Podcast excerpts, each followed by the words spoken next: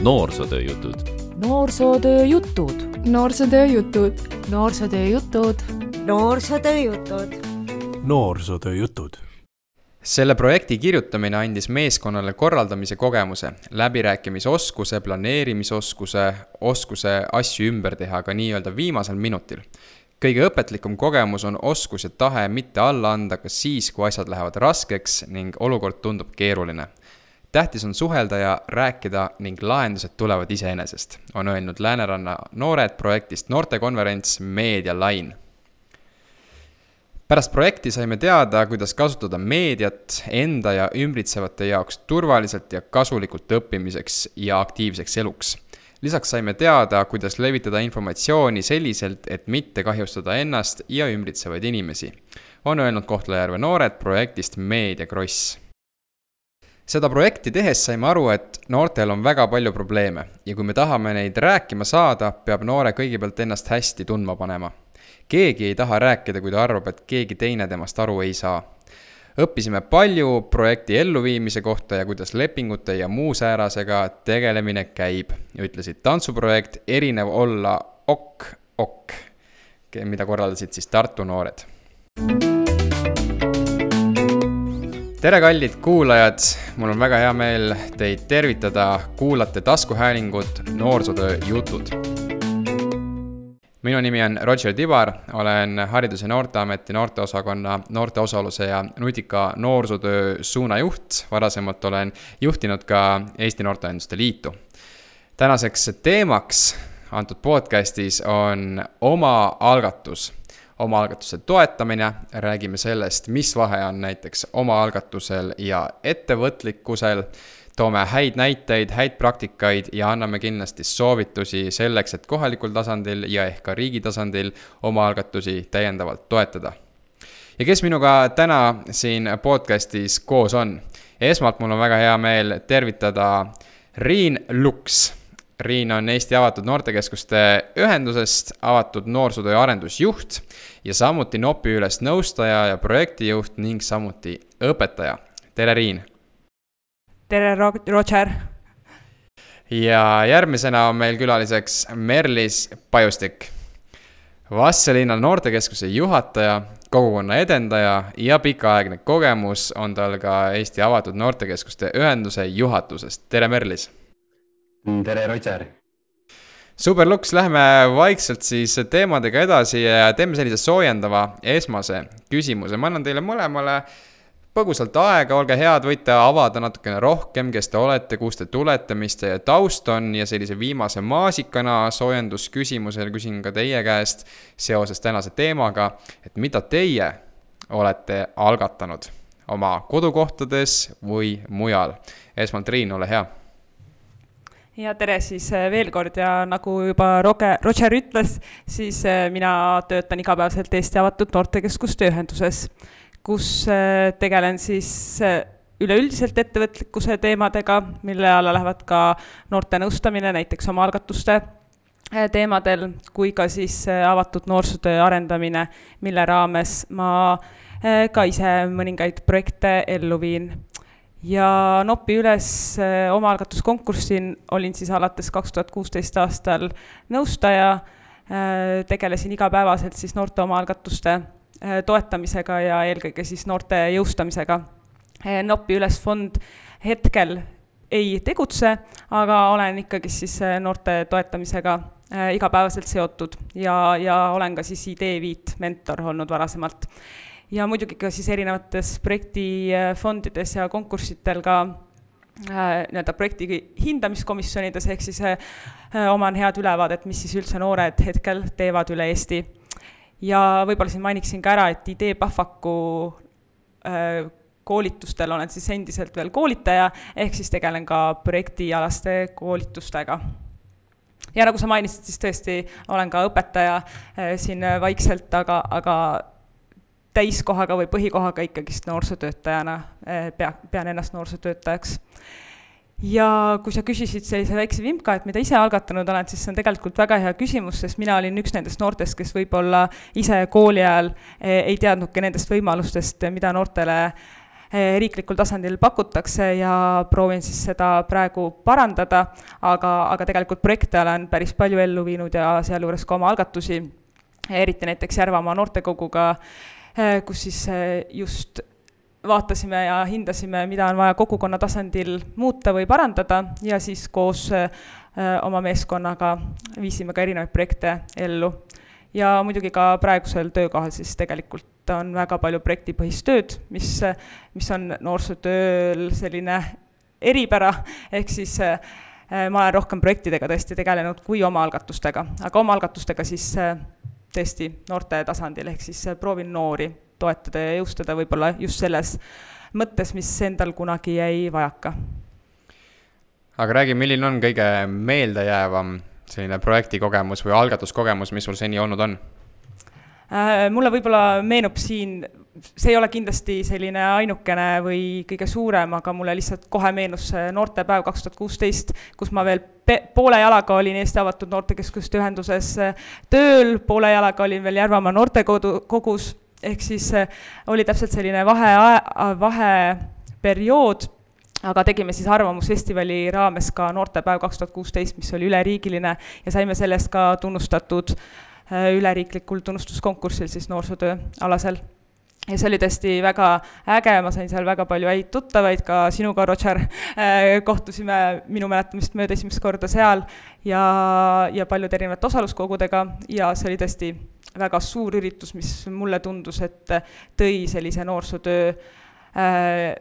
ka meie enda Paide noorte jaoks lähemale. Ma just hakkasingi mõtlema, et kas see oligi see sama Arvamusfestivali äh, noortepäev, noorteala osa, kus, äh, kus me tutvusime ja kus me käisime, tõesti, mul endal on ka väga värvikad, äh, meeleolukad mälestused sellest, tol ajal ise olin siis Läänemaa noortekogu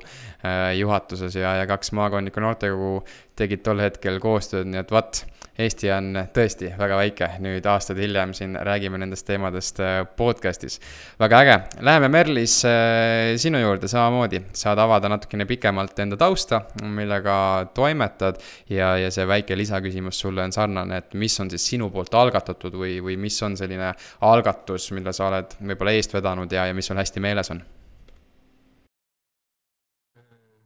minu lugu on see, et ähm ma ise olen äh, olnud siinsamas Vastselinas, kus ma praegu töötan, äh, selline aktiivne noor ja sellel sügisel tegelikult äh, sa, on see aeg käes, kus Vastselinas on olnud noortetuba või noortekeskus juba kakskümmend aastat. ja me siis seitsmendal oktoobril tähistame kahekümne aasta sünnipäeva ja. palju õnne. aitäh ja siis äh, mina olen selle algatuse juures olnud, et see on selline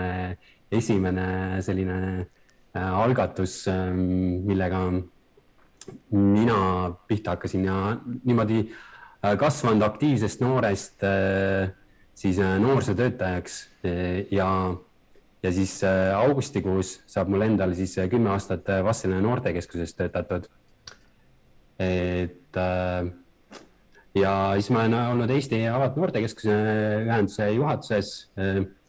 olen siin Vassilinas väga aktiivset jalgpallielu edendanud, et oleme saanud väiksesse kohta oma jalgpalliväljaku äh, tribüünid, äh, osa on, üks osa äh, seal jalgpallivõistkonna noortega tegime nopi üles projekti ja saime sealt ka rahastuse tribüünide jaoks. ja, ja olen siis äh, järjest enam ennast arendanud ka kui koolitaja, äh, noortevaldkonna koolitaja nii noorteinfos äh, kui ka suhtlemistreenerina ja teiste tegev-, teistes valdkondades. ja noh, viimane selline huvipakkuv valdkond ongi siis coaching. aga selline viimane, noh mina võikski seda öelda, et äh, ma olen algatanud või läb, äh, asja lä, äh, või sellist algatusi läbi viinud koos noortega, et noorsootöötajana enda nimi ei olegi seal oluline, tähtis on see, et noored saavad särada ja tähelepanu ja nende algatused viiakse ellu. aga selline viimane algatus, mis meil just kaks nädalat tagasi valmis siia Vastseliina sai, oli siis välijõusaal et selle protsess on ka olnud poolteist aastat ja, ja loodetavasti kahe nädala pärast on kasutusluba valmis ja septembris saame siis avada. ja siis saavad kõik õues sporti teha, kuigi juba praegust kasutatakse seda välijõusaali väga aktiivselt väga äge, neid tegevusi on tõepoolest palju sul hõlma all ja, ja sellest välijõusaalist mul on eriti hea meel, et äh, luuakse erinevatesse omavalitsustesse neid võimalusi, kus ühe külje alt veeta aega ja teise külje alt ikkagi tervisesporti edendada. väga äge äh, ja ma võib-olla küsin su käest vahelduseks, kas ma mäletan õigesti, et kui sa mainisid coaching ut siin äh, sissejuhatava teemana, siis kas see võis olla rasked kõnelused, üks selline koolitusplokk, kus sa olid veel õppimisfaasis, äh, kus ma võisin osaleda, on nii või? jah, et äh, Roger oli siis see inimene, kes osales äh, minu sellisel eksamitööl, et äh, me osalesin aasta aega suhtlemistreeneri äh, sellises äh, Äh, koolitusprogrammis ja siis me pidime lõpuks tegema sellise koolituse, kus siis äh, Rootser oli ka üks äh, osaline ja siis me tegimegi rasked kõnelused koolituse. Aga pärast seda ma olen siis teinud selliste erinevaid suhtlemistreeneri, treeninguid veel teistele ka, aga, aga see oli jah, üks selline soovitan, soovitan kõigile peale seda, mul on endiselt kuklas need mõtted olemas, et kui ma tean, et ma pean kellegagi mingeid teemasid arutama või, või isegi ka oma ettepanekuid kuidagi noh, võib-olla läbi suruma ei ole küll õige, õige termin, aga ma tean, et mul on vaja inimestele midagi öelda, kelle arvamus on teistsugune, siis mul on mingid mõtted nagu kuklas olemas, kuidas, kuidas läheneda. nii et, et soovitan Meelisega ühendust võtta, kellel need teemad huvi pakuvad. kuulge, sõbrad, aga aga läheme teemadesse, ma teen enne, enne oma algatustesse hüppamist sellise vaheploki ja, ja korraks räägin teile, mida Kääpa noored õppisid sellisest projektist nagu Influence the Good Act terve projekti vältel õppisime suhtlemist, see andis suurepärase läbirääkimise oskuse. õppisime palju erinevatest digi- ja nutivõimalustest ning sündmus andis meile suurepärase võimaluse iseennast analüüsida ja õppisime andma üksteisele konstruktiivset tagasisidet ja arendasime oskust ratsionaalselt mõelda. nii et see on selline sissejuhatus, mis iseloomustab minu meelest hästi seda, kuivõrd mitmepalgeline võib olla üks noore enda omaalgatuslikult loodud äh, projekt või tegevus ja mida kõike on juba üsna noores eas võimalik selgeks saada, omandada, kogeda, kui sellele noorele vähegi see võimalus äh, esialgu siis kohaliku omavalitsuse poolt äh, antakse. aga nüüd on üks äh, tore noormees nimega Robin olnud, äh, kellel äh, meie podcast'i külalisest Triinul on olnud kokkupuude ja, ja Robin on rääkinud sellist juttu ma olen kuusteist aastat vana ja meil sõbraga tekkis idee, et toetada noori eesmärkide ja harjumuste seoste loomisel. oleme pannud tähele, et noortel puuduvad teadmised eesmärkide ja harjumuste kohta. selle kohta, kuidas saavutada eesmärke, milleks harjumused üldse tähtsad on ning mida ja kuidas konkreetselt teha tuleks sinul, Riin, oli võimalus siis Robini oma, omaalgatuslikku projekti mentordada ole hea, räägi natuke lähemalt, millist muutust äh, Robin projektiga luua soovis mida nad siis projektimeeskonnaga selle käigus õppisid ja, ja võib-olla oskad sa avada või jagada projekti detaile või et mis sinul läbi selle kogemuse, mis sina võib-olla õppisid või, või kõrva taha panid?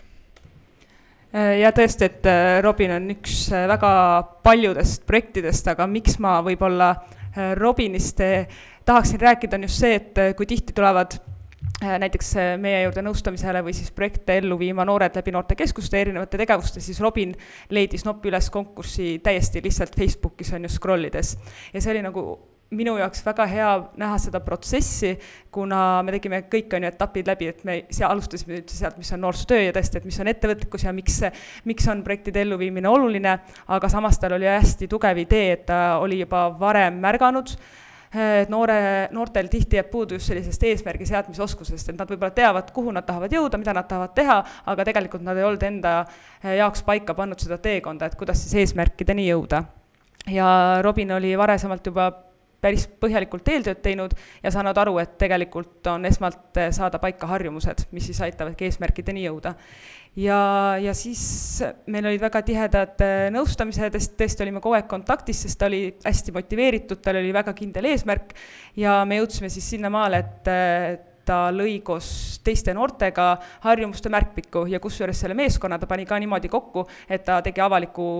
avaliku pakkumise siis või kuulutas avalikult välja, et ei olnud tal varem meeskonda moodustatud, mis tavaliselt on just nii, et tullakse koos meeskonnaga. ja Äh, ta sai selles mõttes väga hea ettevõtluskogemuse ka, lisaks ettevõtlikkuse arendamisele, kuna ta hakkas neid märkmikke müüma väga paljudes erinevates kohtades, noortekates, äh, messidel, läbi interneti, et tal sai sellise puhta ettevõtluskogemuse ka ja samas selle tulu ta annetas siis kõik tegelikult heategevusorganisatsioonile. et tema eesmärk ei olnud nopi üles kaudu siis teenida tulu, vaid, vaid panustada tagasi kogukonna heaks ja läbi selle protsessi ta tegelikult sai ju kõik need etapid läbitud ja miks ta võib-olla, miks ma ta siia esile tõin, on just see, et tema projektist tegelikult on tänaseks välja kasvanud ettevõtlus. et pärast projekti siis ta lõigi OÜ ja tegeleb siis eh, samadel teemadel edasi, et mitte küll päris märkmiku loomisega, aga kuna see oli see tegelikult suhteliselt värske projekt, et ta lõppes alles kaks tuhat kakskümmend lõpp, et siis äh, siin juba vaikselt jälgin ikkagi salaja sotsiaalmeedias, et toimetavad edasi ja, ja, ja annan ka vajalikku nõu, kui Robin seda küsib, nii et see projekt ka näitas mulle seda, kuidas äh, sellised mit-,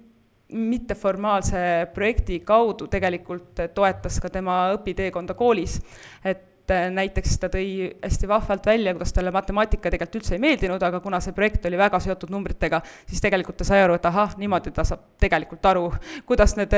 kuidas need asjad peaks toimima ja tal olid reaalselt nii-öelda, ise tegi endale siis tekstiülesandeid. ja teiseks ta avastas äh, ka disaini huvi, et mida ta küll läbi pisarate aeg-ajalt tegi, on ju, et ise pidi kõik need disainiprogrammid ju selgeks õppima, aga, aga see on tõesti talle väga südamelähedane nüüd. et ta oskas väga hästi ka ise välja tuua neid seoseid, mida ta saab nüüd edaspidi ka koolitundides kasutada, et sellepärast eh, jäi kuidagi väga eredalt eh, see projekt eh, just silma, et see on selline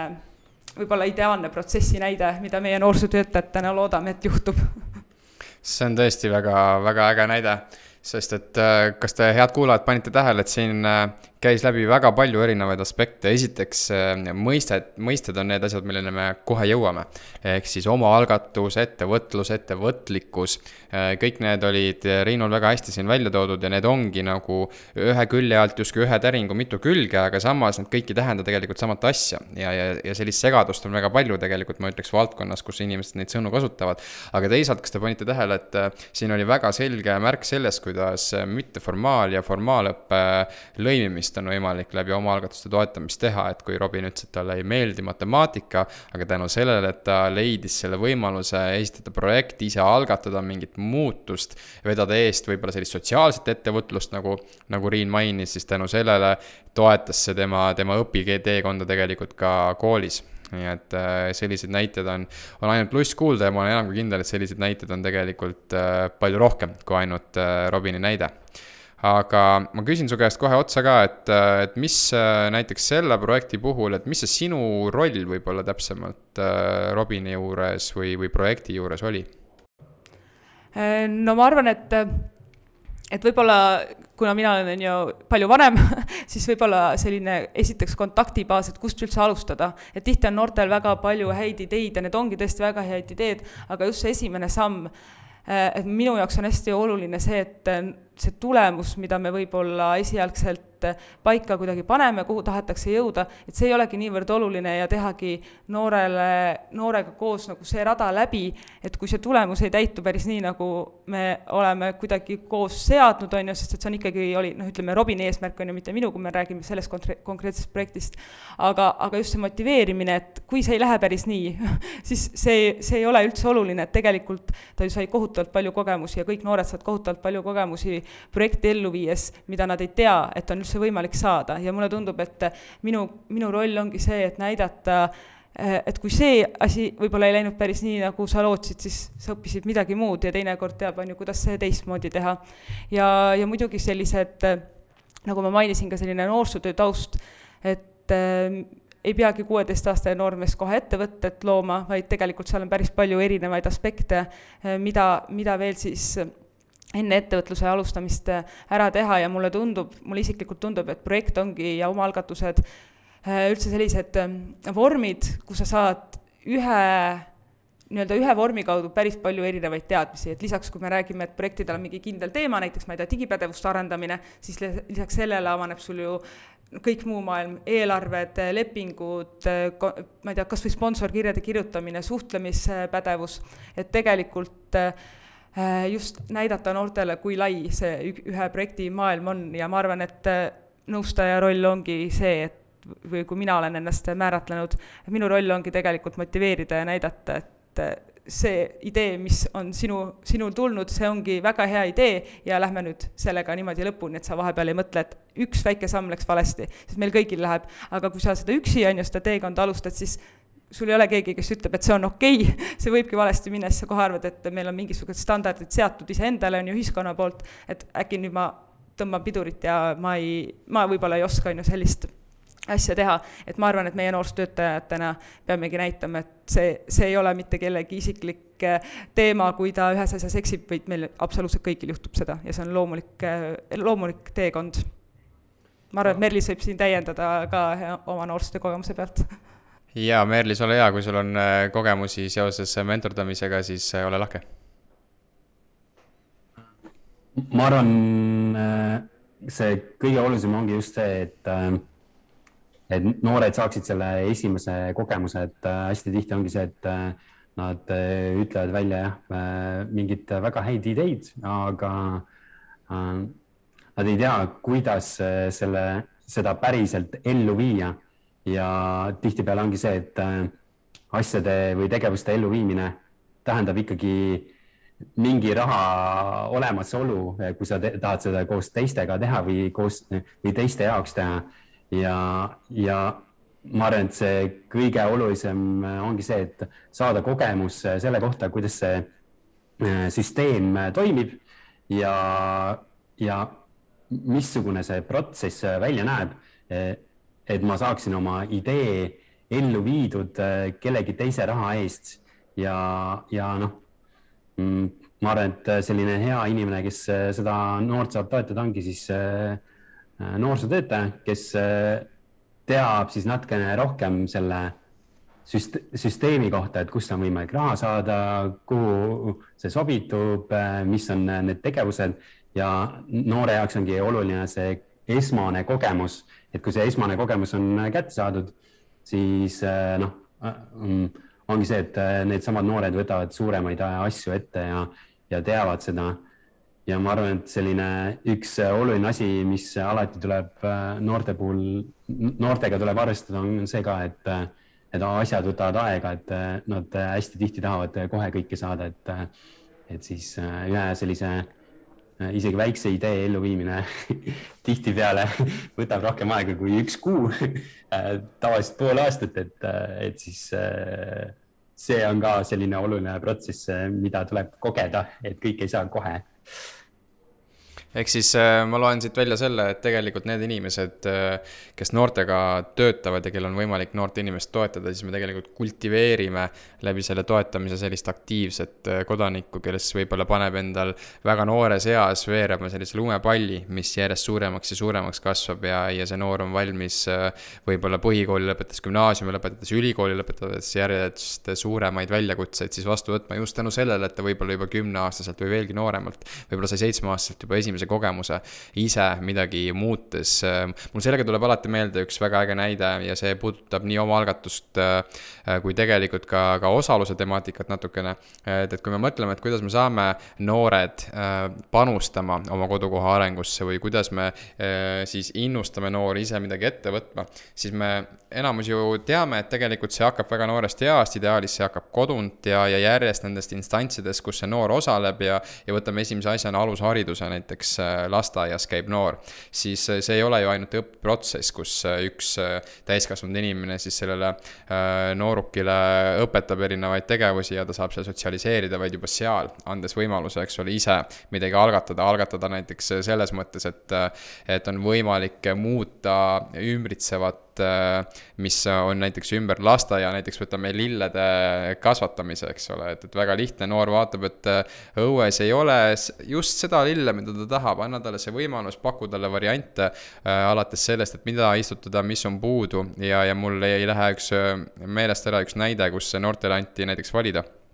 et mis värvi tulpe võiks istutada ümber, ümber lasteaia ja, ja enamus valisid kollased. ja, ja kui nad nägid, et siin nädala pärast olidki ümber lasteaia kollased tulbid, siis see eduelamus, sest noored said reaalselt ise midagi muuta nende ümber. et sealt see, see kõik hakkab äh, pihta. ja, ja, ja kui te rääkisite, siis mul tuli endal selline huvitav võrdlus e-mängudega. et äh, ma loodan, et paljud meie kuulajad äkki on kursis sellise kultusliku mänguga, ma ütleks, mille nimi on Sims. ja, ja Sims on siis teadupärast selline mäng, kus sa lood karakteri karakteri, ehitad kodu, mis on see kõige põnevam osa ja siis hakkad vaikselt elama elu. hakkad vaikselt kujundama seda inimest ja sul on hästi palju selliseid nii-öelda isikuomadusi võib-olla või oskusi, mida sa saad selles inimeses arendada ja siis skaalad arenevad ja, ja tuleb järjest protsente juurde ja lõpuks sul on võib-olla seal, ma ei tea, käsitöö on väga tugev või, või võib-olla sotsiaalsed oskused on väga tugevad. ja, ja, ja nüüd, kui sa võtad, et see mentor, kes hakkab noort omaalgatuste suunas toetama, on nagu see inimene, kes mängib seda arvutimängu. sellepärast, et sinul on natukene mitte, et sa justkui ei ole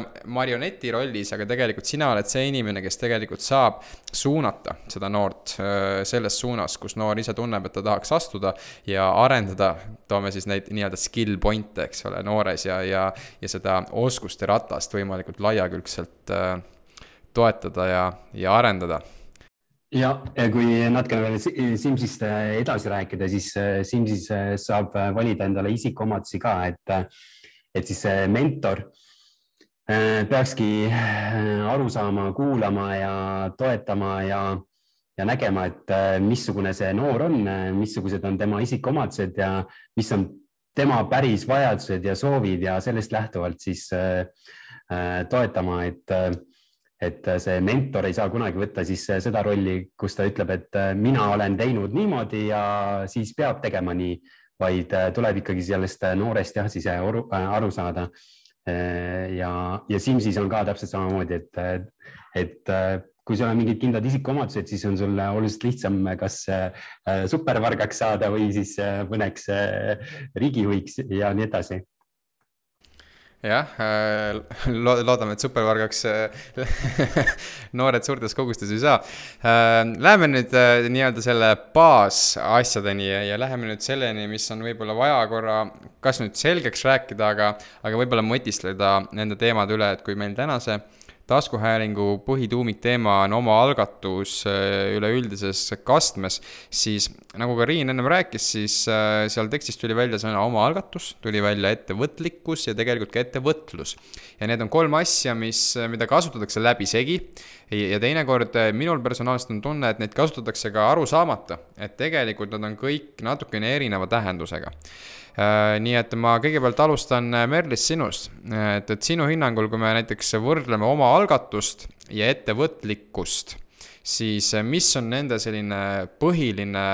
vahe või kas, kas üks on osa teisest või need on tegelikult täiesti erinevad asjad, kuidas sina näed seda? noh, ettevõtlikkus on ikkagi siis sellised kindlad omadused, hoiakud ja oskused, mis sellel Äh, noorel on, äh, mis aitavad siis äh, kas siis ettevõtluses või omaalgatuses paremini hakkama saada, aga omaalgatus on ikkagi see, et ja kui me võtame just noore omaalgatuse, siis et noorel on mingi idee või mõte ja ta tahab seda siis ellu viia. Ja, ja siis ta ise tegutseb, arendab seda ja viib ellu siis selle idee, et see on siis omaalgatus ja noh, ettevõtlus, äh, millest me küll siin ei maininud, on siis see, et ma lihtsalt tahan oma äriideed ellu viia ja kasumit teenida, et, et need on minu jaoks sellist äh, kolm asja. aga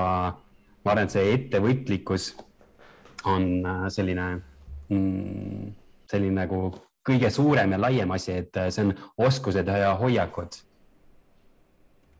ja Riin, kuidas sina tunnetad, kas äh, omaalgatus ja ettevõtlikkus on äh, sarnased sõnad ja, ja kas näiteks sinu kogemuse najal on see nii, et inimesed võib-olla kasutavad neid väga lihtsakäeliselt, aga tegelikult nagu mõtlevad võib-olla teist, kui, kui, kui sõnades kasutavad? Äh, jaa, et mina lahterdaksin siin nagu kaheks, mida võib-olla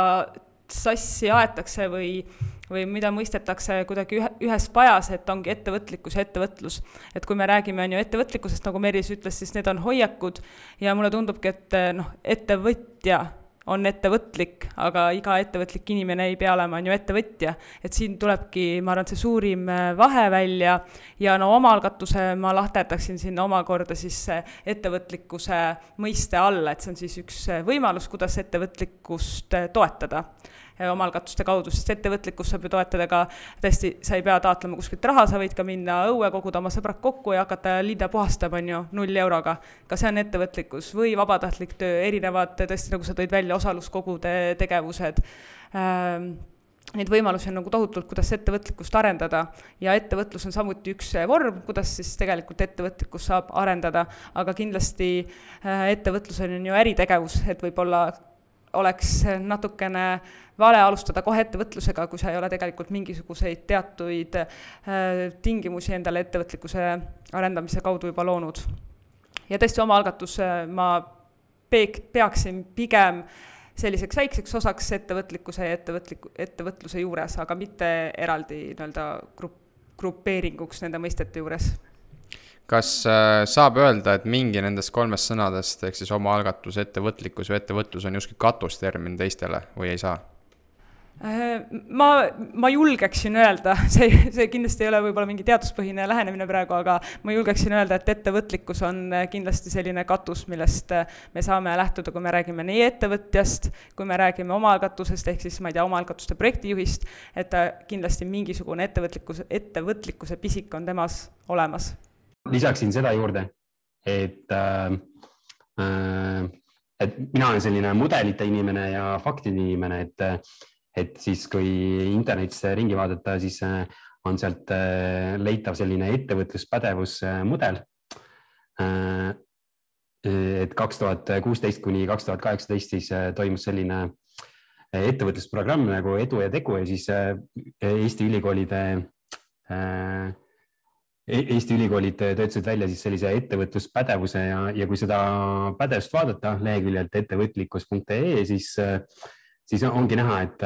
et seal on mingid teadmised on väga konkreetselt seotud siis sellise ettevõtlusega ehk siis kuidas ma saan äri teha, aga seal on väga palju siis sellist ettevõtlikkuse oskuseid ka sealjuures, et, et näiteks lahenduste leidmine või sotsiaalsete protsesside juhtimine või mingid muud sellised asjad, et, et kindlasti soovitan seda mudelit ka vaadata kas äh, võib öelda ka, et äh, ettevõtluses tegelikult eeldatakse ju ikkagi tulemuslikkust ja kasu? Äh, kasvule orienteeritus on nagu ettevõtluse ja, ja eks ole, erasektori töö põhiline äh, preambula äh,, mis, mis ei ole võib-olla nii otseselt seotud üldsegi omaalgatusega, sest me räägime omaalgatuse kontekstis ikkagi sellest, et selle noore enda personaalne õpikogemus ja, ja noore areng on võib-olla selles kõige, kõige keskmes, nõustute minuga? Merlis? no enamus küll jah, aga kui me mõtleme ettevõtluse peale, siis mis see ettevõtja teeb, siis tegelikult ta ju lahendab probleeme raha eest ja kui me noh, kui me teeme mingit sellist lihtsat omaalgatust, siis me ei mõtle selle kasumi peale, vaid me just pigem mõtleme selle peale, et kuidas oleks koos teistega toredam või kuidas me kuidas ma saaksin äh, mingit äh, kasu luua. Ja seal ma ei mõtle selle rahanumbri peale, aga ettevõtja ikkagi teeb täpselt sama asja aga küsib siis raha ka selle eest, et äh, see on üsna tihti selline kõige suurem erinevus, et lahendatakse mingis mõttes samamoodi probleeme, aga üks küsib selle eest raha ja teine siis teeb seda mingis mõttes nagu vabatahtlikkuse korras ja tahab, et ühiskond oleks siis parem koht ja et meil oleks koos toredam toimetada. Riin. ja ma, jah, ma suures osas nõustun, et tõesti, et omaalgatuste puhul äh, on päris vähe neid juhtumeid, kus üldse näiteks projektijuht saab tasu, on ju, et kui me võtame, ettevõtja ikkagi teeb seda nii-öelda palgatööna ja äh, võib-olla mitte kohe, on ju, aga siiski teeb, siis omaalgatuste puhul äh, tõesti on see õppimisprotsess palju olulisem. Ja ma arvan, et noh, mida ma tihti ka olen noortele öelnud, et väga palju on selliseid ettevõtja pisikuga noori tegelikult, keda me näeme ka erinevates erinevates projektides osalemas ja tegelikult eh, see omaalgatused ja projektide elluviimine ongi neil selline õppeprotsess ja, ja päris mitmel juhul juba ka teadlikult. mitte see, et ma oih, kogemata avastan, et selle projekti kaudu ma õppisin seda, vaid, teadlikult eh, on eesmärk kunagi olla ettevõtja ja siis alustatakse sellistes väikest, väiksemates etappides ja, ja, ja nii-öelda teadlikult enesejuhitud õppimine siis projektide kaudu aga muidugi ka ettevõtjad ju võivad projekte ellu viia, et see, see on täpselt oluline märksõna, et lihtsalt võib omaalgatuste kaudu ei teeni otseselt tulu ja, ja tihti me ikkagi eeldame, et ka osavõtjatele, projektides osavõtjatele on tegevused tasuta. ma nüüd järgmise küsimusega torgin natukene teid, et kas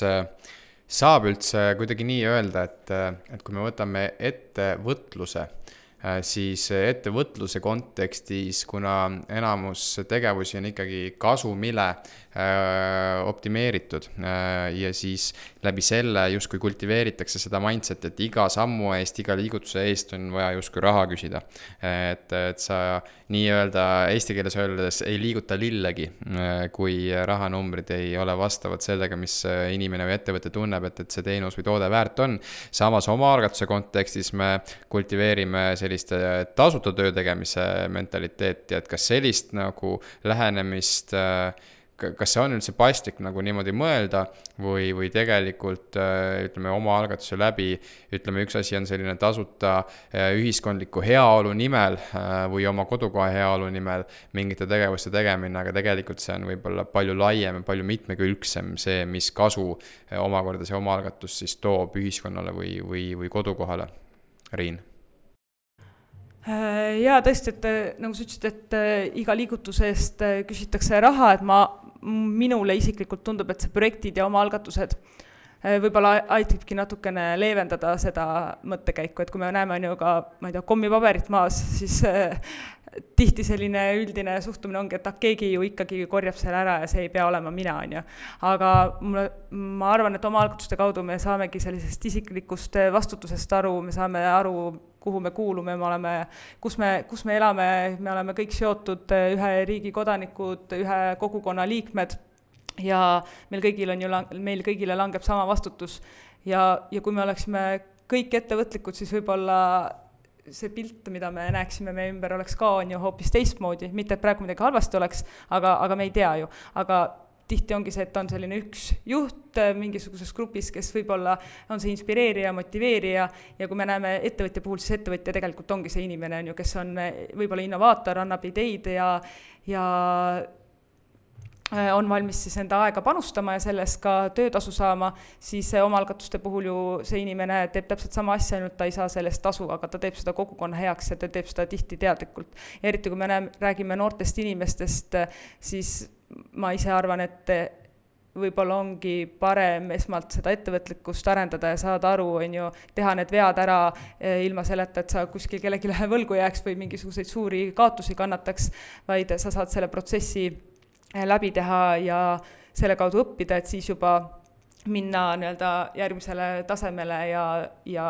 ne-, nendest vigadest olnud juba õppinud. Ja ma arvan, ma lihtsalt eh, ise tunnen, et võib-olla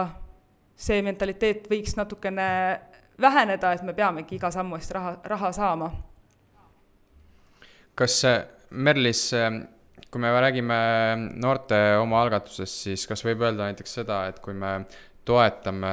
omaalgatusi kohalikul tasandil, siis tegelikult see mõju äh, ja tulemus äh, ei ole ju kohene, vaid me räägime sellisest pikaaegsest äh, tulemusest, mis ilmneb võib-olla alles aastate pärast nii noores endas kui, kui kohalikus omavalitsuses? kindlasti jah, et äh, äh selle Riinu jutule lisaks äh,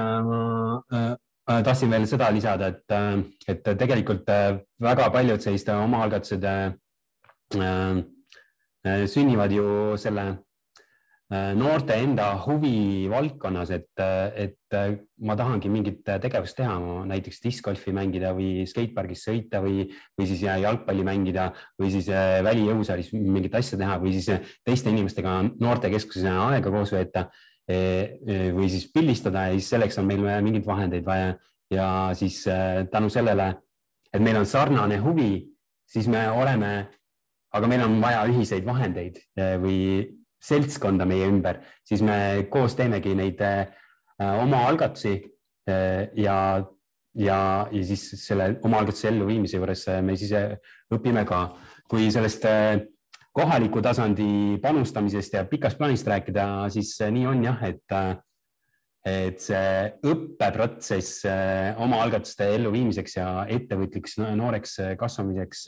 et see on selline pikaajaline protsess ja noh, tihtipeale need no, esim, esimesed projektid ongi sellised pisikesed ja nende suurte projektide juurde jõutakse võib-olla viie-kümne aasta pärast ja, ja mis on üsna tavaline, on see ka, et,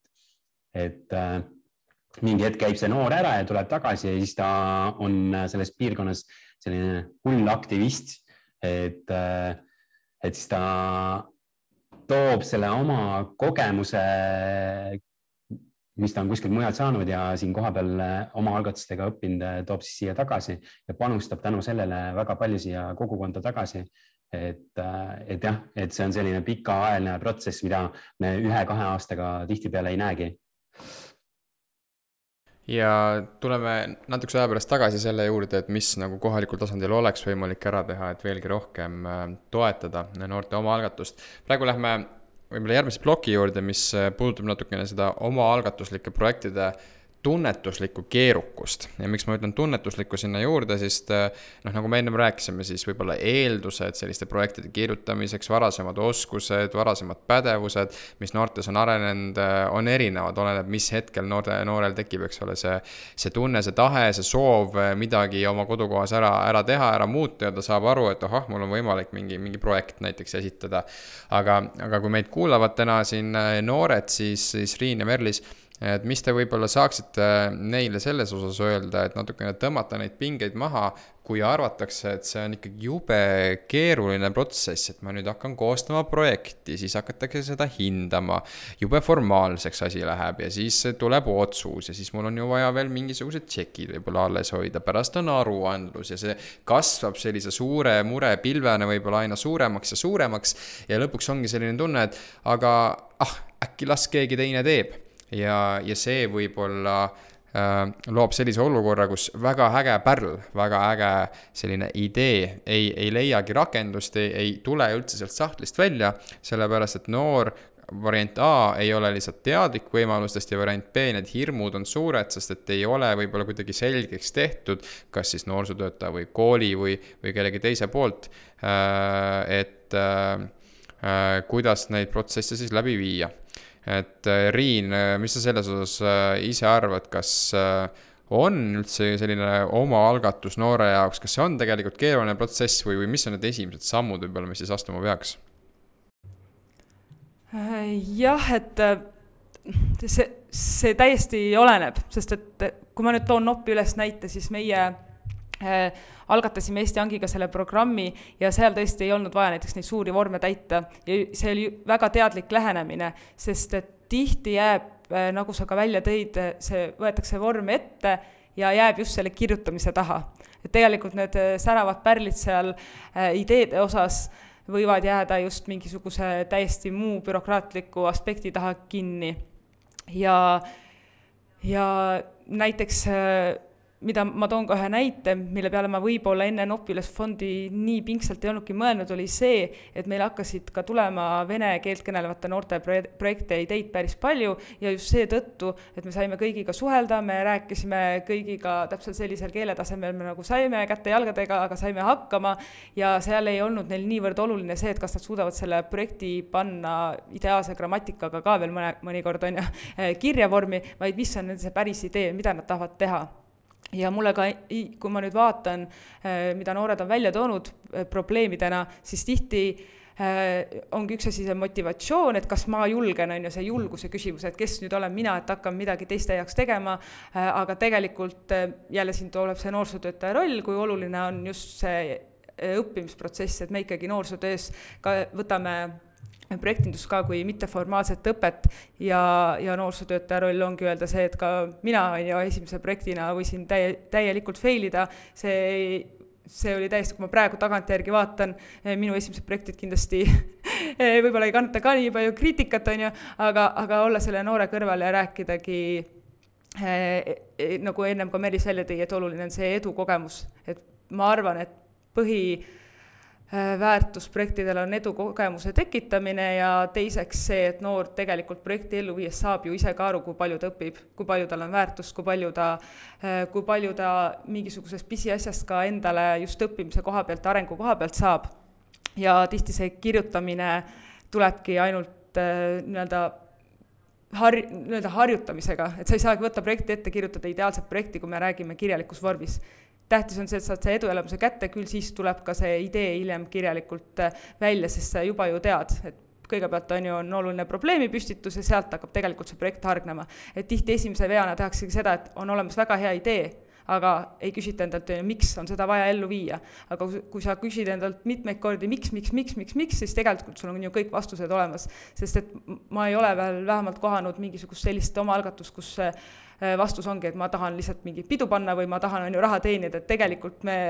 noored on väga palju teadlikumad, kui meie mingi, mingis osa, osas kardame ja nad teavad väga ilusti vastata, miks. ja mulle tundub, et see mentordamise pool või see nõustamise pool meil noorsootöötajana ongi see, et küsida õigeid küsimusi ja noored teavad vastuseid. ja siis juba tuleb see kirjutamine ka, aga seda ei saagi eeldada, et sa võtad selle vormi ette, näiteks oletame mingisuguse erineva fondi ja kohe kirjutad ideaalse projekti, et seda, seda, see, see on selline äh, Äh, väga utoopiline ootus ja, ja ma arvan, et selle hirmu peabki äh, maha võtma ja kindlasti võib fail ida selles mõttes ka esimest korda, et ei saa rahastust, ei saa teist korda rahastust, võib-olla juba kolmandat korda saad. ja siin on hästi oluline ka kaasata võib-olla esimest korda need noored või need äh, meeskonnaliikmed, kes on varem midagi sellist läbi viinud ja sul on kohe tugi olemas, sest et see on ka ju järelkasvu tekitamine. ja ma võib-olla toon siin ühe hea näite, mis mulle ka tuli meelde, kui sa rääkisid lasteaialastest, et meil oli Nopi üles fondi kaudu ka üks projekt, kus siis seitsmeaastased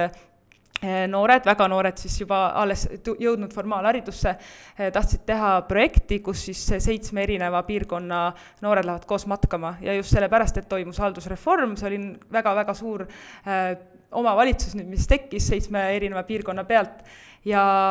mul oli ka hirm, et okei okay,, et seitsmeaastased ja nemad elavad Rõuges, kuidas mina enda kodus siis neid nüüd äh, aitan. ja tegelikult äh, me leidsime suurepärase noortevolikogu ka Rõugest, kes kohe haaras noorte ideest kinni, nii et tegelikult äh, see üks, mis ma rääkisin ka ennem, et meie roll on, on ju kontakti tekitada, ongi see, et noortevolikogu sai kohe nende seitsmeaastastega kontakti ja seal noh, tuli imeline, imeline projekt ja käisidki kõik koos, täiesti seitsme kuni kahekümne kuue aastased lõpuks koos matkamas ja, ja ma arvan, et kui sa selle kogemuse kätte saad, siis kaob see hirm ära. et see kirjutamine tegelikult ei ole niivõrd oluline kui see, mis sa lõpuks, sa ise saad, mida sa ise õpid ja mida sa kogukonnale siis vastu panustad. see esimene kogemus on tõesti väga, väga, väga oluline et see oleks ikkagi positiivne selle noore enda jaoks. ma mäletan, minu esimene kogemus omaalgatuslikult projekti esitades äh, olles noortevolikogus, siis ma tegelikult ütlen ausalt, et ma arvan, et see on ikkagi ingliskeelne termin on scarred for life ehk siis ikkagi arm kogu eluks, sest et nagu olgugi, et täiega lähed peale suured ideed, teeme festivali, teeme seminarid kaks ühes peredele, noortele nagu kõik piu-päu möll käib. ja ongi, projekt saab ju tehtud, aga, aga vaata, kus näiteks minul tuli see plokk lõpuks peale ja sain selle üsnagi negatiivse esmase kogemuse, oli kogu see aruandlus pärast. et üks asi oli see, et kuna mul ei olnud seda teadlikkust ja võib-olla ka kohe sellist nagu mentorit, kes väga tugevalt nagu silma peal hoidis, siis äh, olgugi, et kõik dokumentatsioon oli alles, aga kuidas seda dokumentatsiooni esitada, seda põhjendada ja kogu see äh, protsess, ma mäletan, äh, see võis olla aasta vist kaks tuhat kaksteist või kolmteist ja siiamaani teinekord, kui keegi ütleb mulle, et kuule, et kirjutaks projekti, kui keegi ütleb mulle, et juhi projekti, noh, vabalt teeme ära. aga kui keegi ütleb, et kirjutame projekti, siis mul natukene ikkagi hakkab kulm tõmblema võib-olla silmanurgas, sest mul tuleb see esimene kogemus jällegi meelde. et, et see on tõesti, tõesti hästi oluline, et see esimene kogemus just, äh, head sõbrad, kes te kuulate ja teie ülesanne on toetada noort inimest, siis äh, tagada see positiivne esimene kogemus on, on ääretult oluline. Äh, Riinul on korra mõte ja siis annan Merlis sulle sõna ja, ja ma, see aruandluse kohta, see käib vist kõigil läbi, et see nii täiskasvanutel, noortel kui kõigil. Ja võib-olla siin üks äh, asi, mida ma tahakski noorsootöötajatele edasi öelda, on äh, arvestadagi sellega, et järeltegevused on ka üks projekti äh, osa ja ükskõik mis noorte omaalgatuste puhul, ükskõik, kas nad teevad seda üksinda või nad teevad seda koos mentoriga, siis tuuagi välja see, et nüüd meil on viimane kohtumine, mis on analüüsi kohtumine, me võtame projektis kirjutatu eesmärkide järgi, mida me endale seadsime, kõik punkt punktilt läbi, et tegelikult, kui seda koos teha, tihti juhtubki see, et istutakse üksinda arvuti taha, hakatakse aruannet kirjutama ja see ongi ainult ühe inimese õpikogemus lõpuks. et siin ma lihtsalt eh, tahtsin vahe, vahele põigelda, et ärge, ärme unusta, et eh, projekti analüüs on väga oluline projekti osa ja kui see läheb hästi, siis eh, võib-olla ka see kogemus ongi nii-öelda pärast ka parem ja see aruanne ei tundu nii hirmus, kui sa oled kõik läbi mõelnud, märksõnadega kirja pannud, pärast on lihtsalt kokkukirjutamise vaev. ja tegelikult see ei ole ju ainult selle jaoks, et me nüüd tahame ilgelt kuulata ja vaadata, mida te seal kirjutate või et need aruanded on nagu selline äh, koormus kõigile, vaid see ongi see, kus sa saad oma seda õppeprotsessi analüüsida ja kus sa tegelikult avastad need asjad, mida sa päriselt õppisid ja mida sa päriselt kogesid. Merlis Rind tõi enne välja äh, selle, et mentori ülesanne äh, ongi küsida õigeid küsimusi, et sa nagu aitad noorel jõuda selle eesmärgini läbi küsimuste, mitte eks ole, ise võib-olla tema eest äh, kõike ette-taha ära tehes. sinu võib-olla kogemus, et ma ei tea, kas ma niimoodi saan küsida, et millised need õiged küsimused siis on, aga, aga kuidas võib-olla sina, millised on need meetodid, kuidas sina oled toetanud noori selles protsessis, kui nad tahavad midagi luua oma, oma kodukohas, et mis need võib-olla mingid toredad näpunäited on? Äh, noh, meie selles omavalitsuses on äh, äh, selles mõttes hästi, et kui noortel tekib mingi mõte, siis omavalitsuses on olemas noorte omaalgatusfond ja nad saavad iga kuu sinna kirjutada. ja kuidas siis meie protsess välja näeb, ongi see, et, et me istume nendega maha, küsime nende käest, et kes võiksid veel olla sellest tegevusest huvitatud, et saada võimalikult palju äh, huvilisi laua taha. Ja, ja siis äh, meil on magnettahvel, kuhu me, kus kõik näevad, mis see idee on, et see ei lähe siis äh, ühe inimese märkmikku, vaid kõik näevad suurel tahvlil, kuidas see idee areneb ja, ja, ja ma arvan, et oluline on ikkagi see, et noored saaksid aru sellest, et milline see protsess äh, algusest lõpuni välja näeb, et me ei tohi maalida ilusat pilti ja pärast seda, mis juhtub, on see, et äh, käib mingi suur pauk, sest nende ootused olid äh, hoopis teistsugused, et tulebki selline reaalne, reaalne selline pilt tekitada, et nad saaksid aru, et mis siis täpselt vaja on teha. ja ma arvan, et see noorsootöötaja on oluline selline inimene, kes küsib riskide kohta, et äh, mis on erinevad sellised äh, asjad, mis võivad juhtuda, millega me peame arvestama. Äh, et, et see riskide maandamine on, ma arvan, noorsootöötaja selline oluline roll ja, ja meil see kirjutamise aruande protsess käib koos noorsootöötajaga, ehk siis tullaksegi kokku ja koos siis istutakse maha ja kirjutatakse see aruanne ilusti kokku, et, äh, et siis äh, noor saab, kui ta ei oska midagi teha, siis on kohe kõrval noorsootöötaja, kes teda toetab ja aitab. ja, ja noh, siin on see ka, et noorsootöötaja saab riske maandada sellega, et küsib, et kas meil on kõik kuludokumendid olemas või saab küsida meeskonna kohta, et, et et kas mingid asjad on tehtud juba mingi tegevuse jaoks, et et meil äh, siin maikuus oli päris mitu sellist äh, mm, vegan toidu ja keskkonnahoiu teemalist äh, mm, sellist noorte omalgatust, kus üheteist ja neljateistaastane tüdruk viisid need tegevused ellu, et, et siis tuli ka väga palju mingeid ootamatuid olukordi ette, mida pidi nagu jooksvalt lahendama ja noh, see täiskasvanud inimene saab siis aidata oma võrgustiku või noh, mingite tutvuste abil neid äh, olukordi siis äh, lahendada. et see on selline oluline asi, ma arvan. kas võib öelda ka, et äh, noorte toetamine selles protsessis, kui midagi omaalgatuslikult soovitakse ellu viia, on tegelikult selline tailor-made process, ehk siis sa läheksid justkui kleiti või ülikonda endale nii-öelda vastavalt enda, ma ei tea, kehamõõtmetele ja täpselt sinule valmis tehtud äh, äge riideese. ja, ja, ja sama süsteem on tegelikult ka oma algatusega, et, et võib-olla ei saa lähtuda sellest, et järjekordne projekt, võtame selle smart mudeli, pange oma eesmärk paika ja, ja kui eesmärk on paigas, mõelge tegevused, vastutaja ja, ja tehke see projekt ära ja pärast saatke meile kuludokumendid ja noh, tore, said oma kogemuse kätte. vaid eks ole just see personaalne õpikogemus sellele noorele, et sa mentorina saaksid aru, et kus tal võib-olla kõige rohkem tuge vaja on, et mis tal endal võib-olla see isiklik huvi kõige suurem on. et, et äh, olen, olen ma õigel teel oma mõtetega või kuidas sulle, Merlis, tundub? jah, sest äh, me tegelikult ju ei tea, noh, sellesama äh, vegantoidu ja keskkonna teemaga oli samamoodi, et, et meie ju nendest teemadest, me ei tea kõikidest teemadest nii palju, kui mõni noor võib teada ja siis me peamegi lihtsalt äh, oma küsimustega toetama ja, ja küsima, et, äh, et miks te tahate mingit sellist asja teha või, või äh, see, see noorsootöötaja ei pruugi ka nendest asjadest aru saada ja ta tihtipeale ei pruugigi osata aidata mingit asja teha. et, et siis tulebki lihtsalt seda noort toetada ja, ja noh üks oluline asi selle noorsootöötaja vaates on see ka, et kui me räägime, et mis on noore jaoks keeruline projekti elluviimisel, siis äh,, siis natuke peaks mõtlema selle noort, noorsootöötaja peale ka, et, et selle,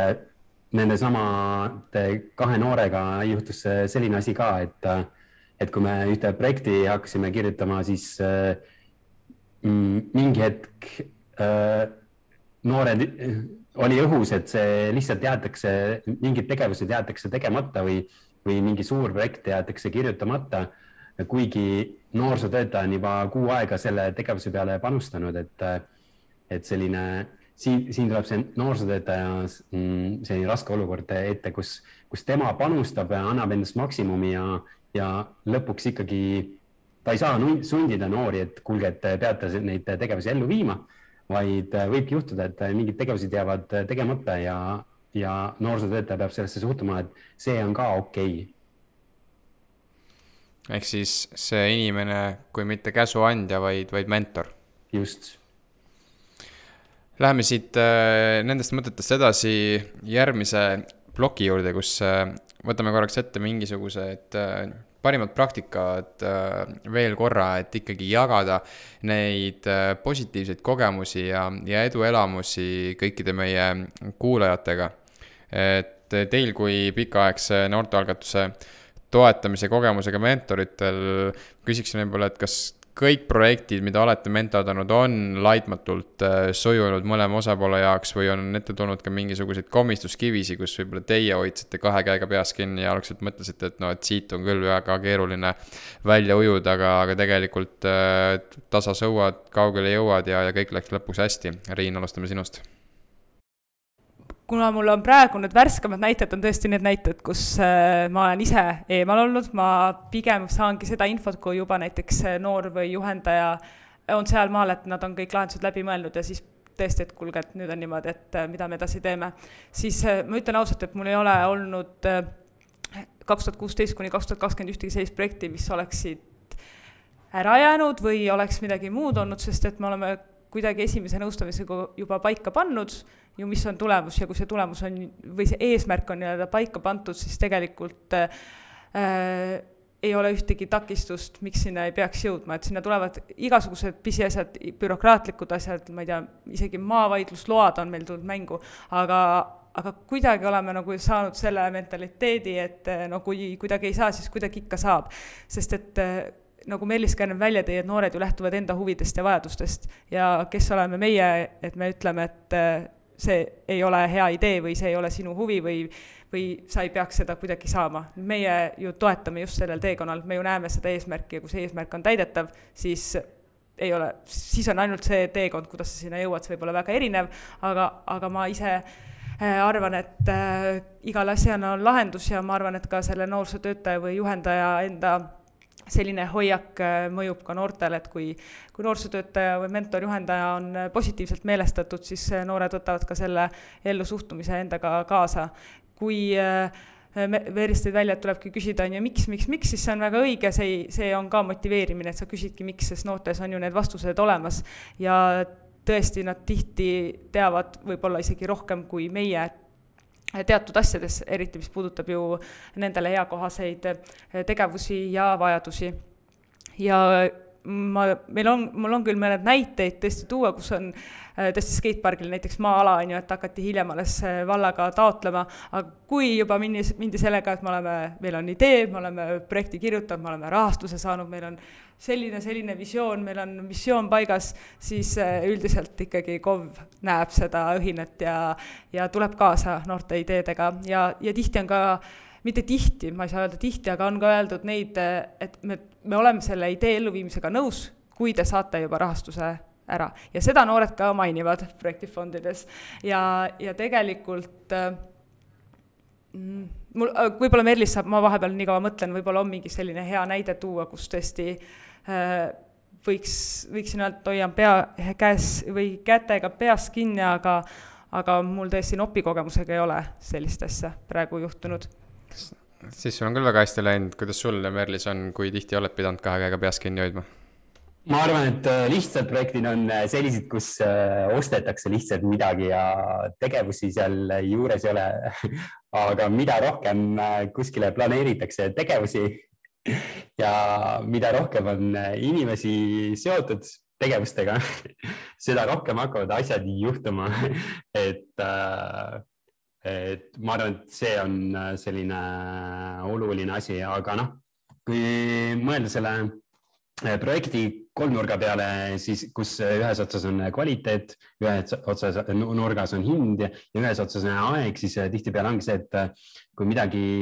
selles tegevuses nässu läheb, siis peabki mõtlema, et kas meil läheb natuke kauem aega, aga me saame sama tulemuse kas me oleme nõus natuke rohkem peale maksma ja saama sama tulemust või siis me laseme kvaliteeti anda alla, et äh, äh, ma arvan, meie projektides on ka kõikides ongi see, et võib-olla mingid tegevused võtavad natukene kauem aega ja siis tuleb rahastajaga ühendust võtta ja küsidagi, et kas me võime natukene seda ajakava pikendada, sest mingid asjad tulid vahele ja ei saa tegevusi õigeks ajaks tehtud. Äh, et, et see on selline oluline asi, mis tuleb vahepeal teha. aga minu meelest me oleme ka kõik sellised äh, tegevused saanud ikkagi tehtud minu selle kümne aasta jooksul siin, et et pigem on see, et tegevusi algul ellu viies või planeerides inimesed hakkavad hästi palju asju kartma ja mis on õigustatud ka ja siis äh, äh, nagu loobutakse või kaob motivatsioon ära, aga siis tuleb lihtsalt julgustada ja, ja, ja toetada neid noori, jah. See on hea, et sa tõid korraks kvaliteedi teema sisse, Merli, sest mis asi kvaliteet äh, oma olemuselt on, on kõige lihtsamalt öeldes sihtgrupi ootustele vastamine ja tegelikult nende ootuste ületamine isegi. et äh, ma tulen kohe, Riin, sinu juurde tagasi, aga ma küsin Merlis sinu käest korra Covidi kontekstis et kas sa tunnetad, et, et nüüd, kui me oleme siin võrdlemisi pika aja olnud teistsuguses maailmas ikkagi ja me olemuslikult peame ju ikkagi harjuma, et, et mingisugune võib-olla ebakindlus püsib meil siin näiteks talviti ja sügiseti ja, ja me ei tea ka, mis käesoleval aastal, aasta teine pool veel, veel, veel toomas on. et kas selles kontekstis omaalgatuste toetamine ja noorte selline omaalgatuste äh, elluviimine on kuidagi takerdanud, oluliselt vähemaks jäänud ja kas see mentordamine on oluliselt muutunud või, või tegelikult lihtsalt keskkonnad on teised, aga, aga sisu on sama? ma arvan, et see mentordamise või toetamise protsess, see ei ole väga kannatada saanud, et pigem ongi äh, probleem olnud äh, see, et kas me saame neid tegevusi sellises mahus ellu viia, nagu me tahame neid ellu viia ja, ja kas me saame äh, noh, lihtne näide on see, et siinsamas maikuus, äh, kui tehti neid vegan toidu ja keskkonnateemalisi asju, siis, äh, siis kui me tahtsime väljasõidule minna, siis üks asutus Tartus ütles see, et üle kaheksa inimese meie vastu ei tohi võtta ja siis me ootasime kaks nädalat veel ja siis me saime kuue su suurema grupi noortega mindud, et, et mõnikord võivad olla just sellised reeglid ees, aga noh, siis tuleb mõelda selle peale, et kas me saame seda tegevust mm, nagu kuidagi teistmoodi teha, et noored ikkagi saaksid sellise sama kogemuse. aga, aga, aga noh, alati ei ole võimalik seda teha ja kõiki tegevusi ei ole võimalik siis äh, sellisele perioodi planeerida, kus äh, äh, viiruse näitajad on äh, all, et, äh, et, et see on keeruline. ja noh, ikkagi on see, et kui on võimalik äh, kokku saada äh,, siis see on lihtsam, sest äh, sest siis on lihtsam toetada kui mingis sellises äh, äh, virtuaalses keskkonnas. kuigi interneti ja selle videokõnede abil saab väga palju asju ära tehtud, et see on natukene raskendatud, aga pole keeruline mentordamine. Vahepeal, äh, Riin, sul tuli meelde, kus sa kahe käega peast kinni hoidsid? Äh, ja ma sain aru, et Meelis kuulates, et võib-olla ma olin liiga optimistlik, aga ma mõtlesin natukene juba Äh, raskemate asjade peale, et ja tõesti see aja planeerimine, see on nagu oluline märksõna. et see on, ütleme, kaheksakümnel protsendil läheb nihkesse ja sellega juba on vaikselt nagu arvestatud ja noori ka sinnapoole suunatud. Aga ma võib-olla toon selle Covidi teema näite, millest te juba natukene alustasite. Et jällegi me, ma toon rõhutan, et kaks tuhat kuusteist alustasime meie juba ju tegelikult veebi teel nõustamistega, ehk siis mina ise olin ühes kohas ja projektifond toimis üle Eesti. et selles mõttes, kui see kõik eriolukord ja kõik see tuli, siis töökorralduslikult ei muutunud midagi, sest me olime juba nii selle sees ja ka need noored, kellega me tegelesime, kõik äh, olid juba selles protsessis sees. Äh, mis küll tõesti vahepeal pani kahe käega peast kinni hoidma, oli tõesti see olukord, kus noortel olid projektid alanud, see ei olnud ei noorte, ei meie, mitte kellegi süü, on ju, see oli ülemaailmne teema, siis äh, need projektid jäid seisma ootuses, et mingil hetkel saaks jätkata. ja nendel lihtsalt noortel oli vahepeal selline peri-, periood, kus see motivatsioon väga langes, me saime nad kuidagi tagasi, et teeme ikka lõpuni, on ju, kõik koos ja nad, see, see ei olnud nagu, ma ei ütleks, et see mina nüüd pidin kuidagi motiveerima, vaid see oli pigem nagu koostöös, et me kõik tahtsime tegelikult jõuda samadeni eesmärkideni, mina sinna, et noored saaks oma projektid ellu viia ja noored nendele eesmärkideni, mida nad siis seadsid. et tõesti see olukord, mis siin vahepeal eelmine aasta oli, see raskendas projektide elluviimist just kohalikul tasandil, aga ta otseselt ei, ei olnud selline asi, mida, mida ma loeksin siia nii-öelda riskide hulka praegu, et see noh, tõesti ju tuli nii äkitselt, aga siiski ma ütlen noorte kiituseks, et me tegime kõigiga uued nõustamised, kus hästi ruttu mõeldi variant B-d välja, et ükski nendest ideedest ei olnud selline mm,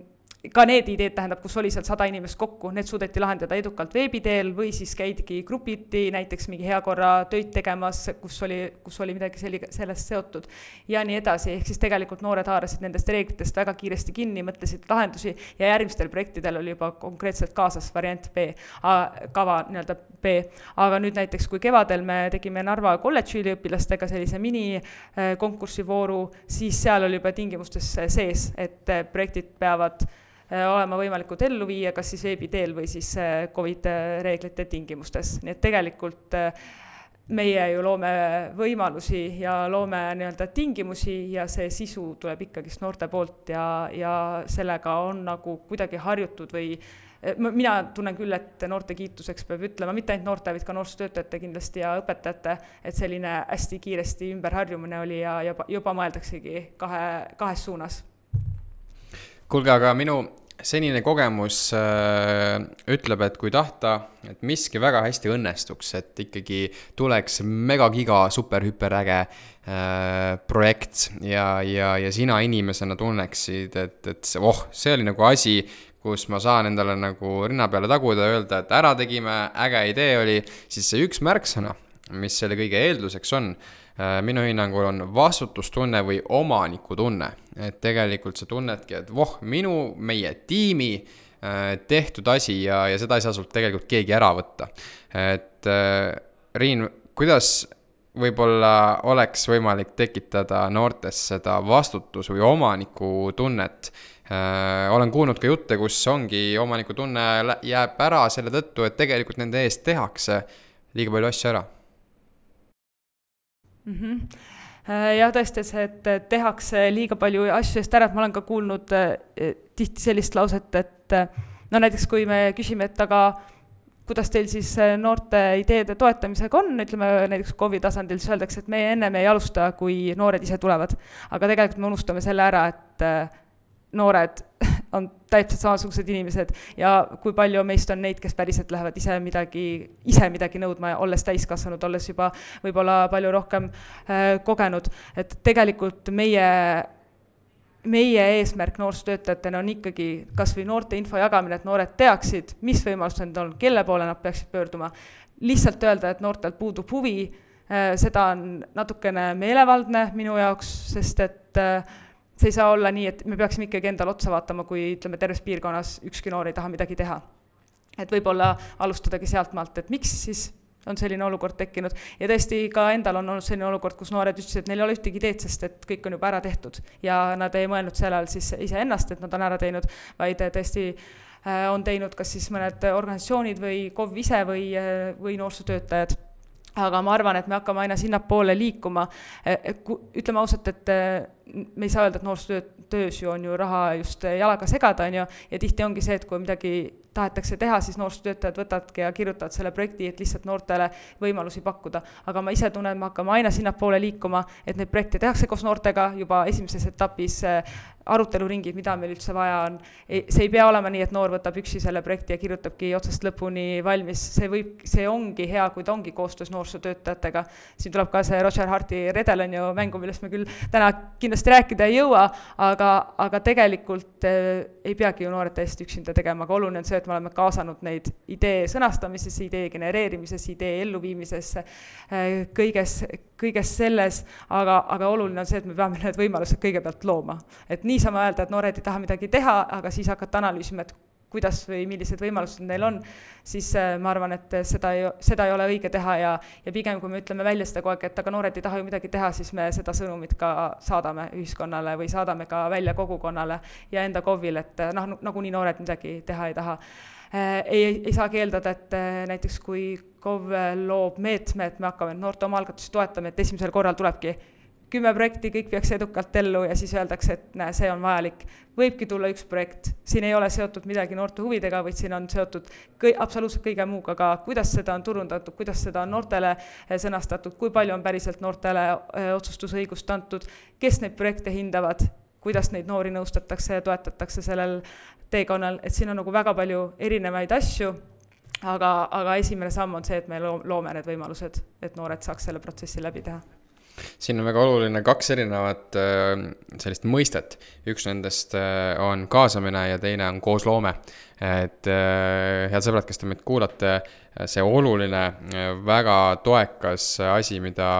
on vaja nagu endal kuklas hoida, on märksõna koosloome, millest üks osa on tegelikult kaasamine. et koosloome oma olemus, olemuslikult tähendab seda, et sa alustad nullist, alustad koos sihtgrupiga. ehk siis mitte sel hetkel, kui sul on juba esmane idee, esmane kavand või, või võib-olla juba, kui me räägime riigi tasandist, eks ole, sul on eelnõu lausa valmis juba ja siis sa lähed nagu küsima, eks ole, accept'i, et kuulge, et kuidas teile tundub, ahah, praegu ei meeldi, aga noh, pole hullu, me ikkagi lähme selle ideega edasi. aga selleks, et just kus see omaniku vastutustunne tekiks, see tähendab koosloomet ja juba nullist sa kuulad ära selle sihtgrupi esindaja, noh, see on, eks ole, universaalne, me ei räägi ainult noortest, vaid me räägime kõikidest vanusegruppidest. aga Merlis, kas sul ähm, omanikutunde tekitamise osas on äh, veel tähelepanekuid, mida sa sooviksid jagada? ma arvan, et äh, kõige olulisem ongi see, et äh, need mõtted, mida ellu viiakse, need peavad olema noorte jaoks olulised ja nende enda omad. et äh, ja nad äh, peavad päriselt äh, tahtma neid äh, tegevusi teha. ja, ja, ja ongi see, et alustada väikselt ja, ja küll see asi kasvab suuremaks. ega siin midagi rohkemat ei olegi. ja noorsootöötaja peab lihtsalt olema see, kes toetab ja torgib tagant eh, positiivselt ja, ja, ja see ongi kõik. ja läheme nüüd meie tänase taskuhäälingu viimase teema juurde ja räägime sellest, et kelle vastutus ikkagi on see, et, et noortel oleks võimalik omaalgatuslikke ideid äh, ellu viia ja, ja oma kodukohta näiteks arendada. Äh, omaalgatuse toetamine on iseenesest riiklikult üheks prioriteetseks teemaks olnud tänaseks äh, tuttavaks saanud vormis juba aastast kaks tuhat kuusteist, mis siis ESF-i rahade kaudu näiteks nopi üles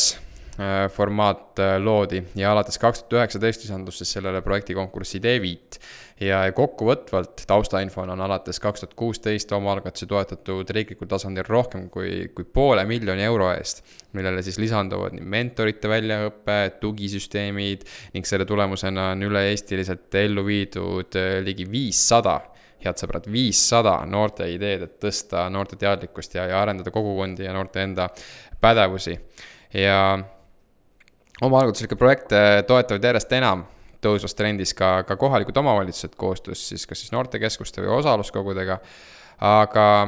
see teema ei ole, ei ole nagu nii lihtne ja teinekord tundub, et võib-olla see on liiga, liiga pehme teema ka. Äh, kas siis juhtide jaoks või, või, või, või kes iganes vastutab selle eest, et oleks võimalik äh, näiteks luua mingi toetusfond noortele kohalikul tasandil. Äh, ma küsin, Merlis, sinu käest, sa ütlesid, et teil on olemas kohalikul tasandil see fond, kus noored saavad esi-, esitada oma ideid. et kas ajalooliselt, kas see tuli kergelt, kas see on nagu selline arusaadav, et see on ju loogiline, et see on meil omavalitsuses olemas ja, ja noori on vaja toetada või, või on see tulnud kunagi üle, üle kivide ja kändude ja vahepeal on äkki olnud arutluse all, et äkki ei oleks nii palju vaja üldse toetada või kuidas sinu kohaliku tasandi tunnetus selles osas on, et kas selline omaalgatuse toetamine, et kelle taha see võib kinni jääda? no meie mm, omaalgatuse fondi lugu on selline e eelmisest, enne eelmisi kohalikke omavalitsusi, kui oli väiksed omavalitsused, et äh, siis Vastseliina äh, vallas oli selline omaalgatusfond olemas. minu meelest selle saamine ei läinud nagu raskelt, pigem väikses omavalitsuses tuli ära põhjendada ja, ja kuna see Vastseliina piirkonnas väga hästi töötas ja toimis, siis kui oli valdade liitumine, siis saadi aru, et, et seesama asi peab jätkuma ja, ja see punkt pandi arengukavasse ehk siis ma arvan, et tänu sellele, et see jõudis arengukavasse, mm, siis liigutigi edasi ja noh, ja ma arvan, et selle kogu protsessi juures kõige sellisem olulisem asi on see ka, et, et võib ju erinevalt raha jagada niimoodi, et noored kirjutavad ja siis täiskasvanud hindavad. aga meil on olnud alati see, et äh, osa noori on siis selles äh, otsustusprotsessis äh, ka, kes loevad ja hindavad, et siis nad saavad selle kogemuse ka, et nad näevad, missuguseid projekte kirjutatakse ja see kogemus annab, ma arvan, mõnikord isegi rohkem juurde kui ise projekti kirjutamine. et, et see peaks olema iga sellise äh, omaalgatuse juurde sisse kirjutatud, et noored ka otsustavad selle raha jagamist. ja jah, ja no ma ikkagi ütlen seda, et äh, kohalikus omavalitsuses peab olema äh, mentorite võrgustik ja selleks ei pea olema ainult noortekeskuse noorsootöötaja, selleks peaks olema siis absoluutselt kõik äh, noortega tegelevad äh, spetsialistid, et, äh, et kellel on, kes kuulevad, et mis on mingi noorte mõte, siis nad võtavad sellest kinni ja ütlevad, et aga meil kohalikus omavalitsuses on võimalik siis seda raha taotleda ja ma võin sind aidata. Ja kui sa, kui ma ise hakkama ei saa, siis ma saadan sinna noortekeskuse noorsootöötaja juurde, et, et need on sellised olulised elemendid selle, selle Äh, noorteomaalgatuse fondi juures. Äh, Riin, äh, sinu poole pealt kohaliku tasandi kogemused, et, et kuidas või, või, või kas läheb see niivõrd lihtsalt, et kui me tahame, et nooretel oleks võimalik omaalgatusi toetada, siis sa annad märku sellest kellelegi, näiteks volikogule, eks ole, et selline idee on ja, ja, ja iseenesest ei tohiks see olla ju näiteks ka kohaliku omavalitsuse eelarvest võib-olla nii suur summa, Äh, et seda äh, toetust siis noortele pakkuda, aga kas sinu kogemuse järgi on see nagu pigem selline suur takistus, mida ületada, et kas see võib jääda näiteks raha taha või see võib jääda inimeste huvide, soovide, teadmiste taha, et, et miks ei, ei näiteks ei looda kohalikel tasanditel selliseid fonde? Äh, jah, eks see on piirkonniti väga, väga erinev, tõesti mõnel puhul me oleme saanudki vastuseks, et jääb raha taha, mõnel puhul ju jääb muude ressursside taha, et kas või Äh, näiteks äh, noorsootöötajate olemasolu taha, on ju, kui me räägime väiksematest piirkondadest. Aga mulle väga meeldis see Merlise mõte, et just, et täiskasvanud on need, kes suunavad noori siis nendesse fondidesse või omaalgatuskonkurssidele, aga siin ongi see oluline, et see fond oleks siis olemas. et meil on tõesti päris palju kohalikke omavalitsusi, kus on loodud näiteks MTÜ-dele meede, kus saab rahastust taodelda, aga siinkohal me peame arvestama, et eh, noored eh, siis nii-öelda rahastus rahastuse saamise osas nii-öelda jutumärkides võistlevad ju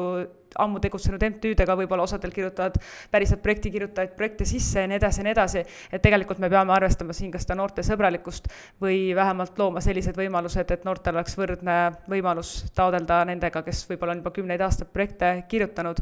ja me tegime siin kaks tuhat üheksateist ka tegelikult kaardistuse, kus me kõik seitsekümmend üheksa erinevat kohalikku omavalitsust küsisime läbi, kuidas neil on omaalgatuste toetamisega ja seal tuli väga palju erinevaid vastuseid, miks siis ei ole, et üks oligi jälle see, et noored peavad ise tulema rääkima, et nad sellist asja tahavad, äh, mis on võib-olla, võib-olla liiga, liiga palju soovitud, et kindlasti peaks siis eelnema sellele ka mingisugused infopäevad, teadmised, mis need on, võib-olla proovimagi nopist ja ideeviidest on ju taotleda, nagu päris paljud tegid, et kui nopi üles ideeviit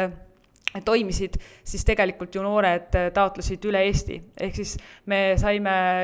vaadata ja mõelda mingisugusel kindlal tasemel, aga kui oleks kohalikus omavalitsuses, no unistame, et igas kohalikus omavalitsuses on oma omaalgatusfond, siis viiakse seal ellu täpselt neid projekte, mis on sellele, sellele piirkonnale vajalikud äh, ja ei pea arvestama, et äkki ma nüüd võistlen näiteks Tallinn ja ma ei tea, väike mõisaküla on ju, kahekesi. et, et seda nad, seda, seda peaks kindlasti vältima ja, ja mina isiklikult, kui ma vaatan noorte ideid, mida me oleme nõustanud, siis siis nad on ikkagi väga kogukonda toetavad ja ma usun, et see on kohalikule omavalitsusele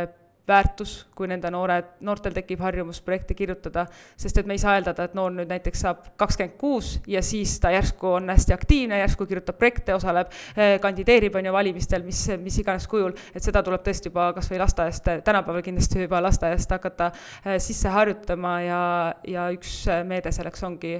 oma kohalike eh, noorte omaalgatusfond kohalikul tasandil tähendab, vabandust.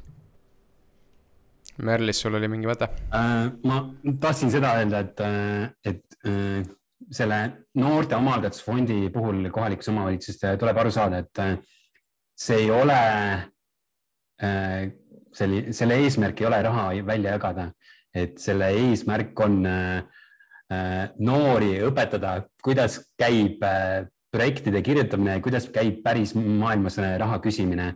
ja kui sa tahad midagi teha, siis äh, väga tihti see käibki läbi projekti. Äh, kas sa tahad ettevõtluses mingit arendust teha ja EAS-ist küsida raha või küsida liidrist ettevõtte, ettevõtte arendamiseks või siis sa teed kohaliku kogukonna jaoks, siis sa pead oskama projekte kirjutada ja, ja see meie jaoks, meie kohalikes omavalitsuses on see õppemeetod Äh, mida me kasutame ja selleks on siis äh, see raha lihtsalt äh, loodud, antud meile, et me saaksime siis noori harida ja õpetada selles, et see ei ole, selle eesmärk ei ole, kõige tähtsam eesmärk ei ole raha väljajagamine, vaid noorte õpetamine. see on väga äge ja väga vajalik, vajalik mõte ja nüüd on kätte jõudnud see hetk, kus äh, meie noorte omaalgatuse filmis on hakanud äh, jooksma lõputiitrid. ja, ja lõputiitrite saatel, kui, kui autorid on näha, on võimalik äh, äh, nii Merlis kui Riin teil mõlemal oma äh, viimane mõte edasi anda meie kuulajatele, mis on see äh,, mis ta siis äh, kogu Eesti kuulab nüüd, et mis on see, mis te tahaksite edasi anda, mis, mis peaks teie hinnangul jääma kajama, kui me räägime noorte omaalgatuse toetamisest Riin? Äh, ma siis äh, toon selle mõtte välja, et äh, me räägime siin küll rahastusest, me räägime siin KOV meetmetest, me räägime kõigest muust ja ettevõtlikkusest, aga kõige olulisem ongi ju see, et omaalgatused on, ei ole tõesti, nagu Meelis ütles, et me küsime raha, vaid see on see õppeprotsess ja siin on nagu üks oluline märksõna, omaalgatuste elluviimine on inimlik arendamine, arenemine, et see ei ole, see ei loe see, et mis teemal sa projekti teed, vaid sa tõesti saad sinult ümbert nii palju äh, teisi pädevusi, sa saad väärtusi, sa saad kujundad endale mingisuguse maailmapildi läbi projektide, et see raha ja kõik see jääb siia tegelikult natukene tahaplaanile ja omaalgatuste puhul on ikkagi esikohal, prioriteet on noore isiklik areng. Merlis. ja mm, minu jaoks on seesama, mis Riin ütles ka oluline äh, ja ma toon siis juurde ühe teise olulise mõtte ka, et, et noore ümber peab olema selline spetsialistide võrgustik,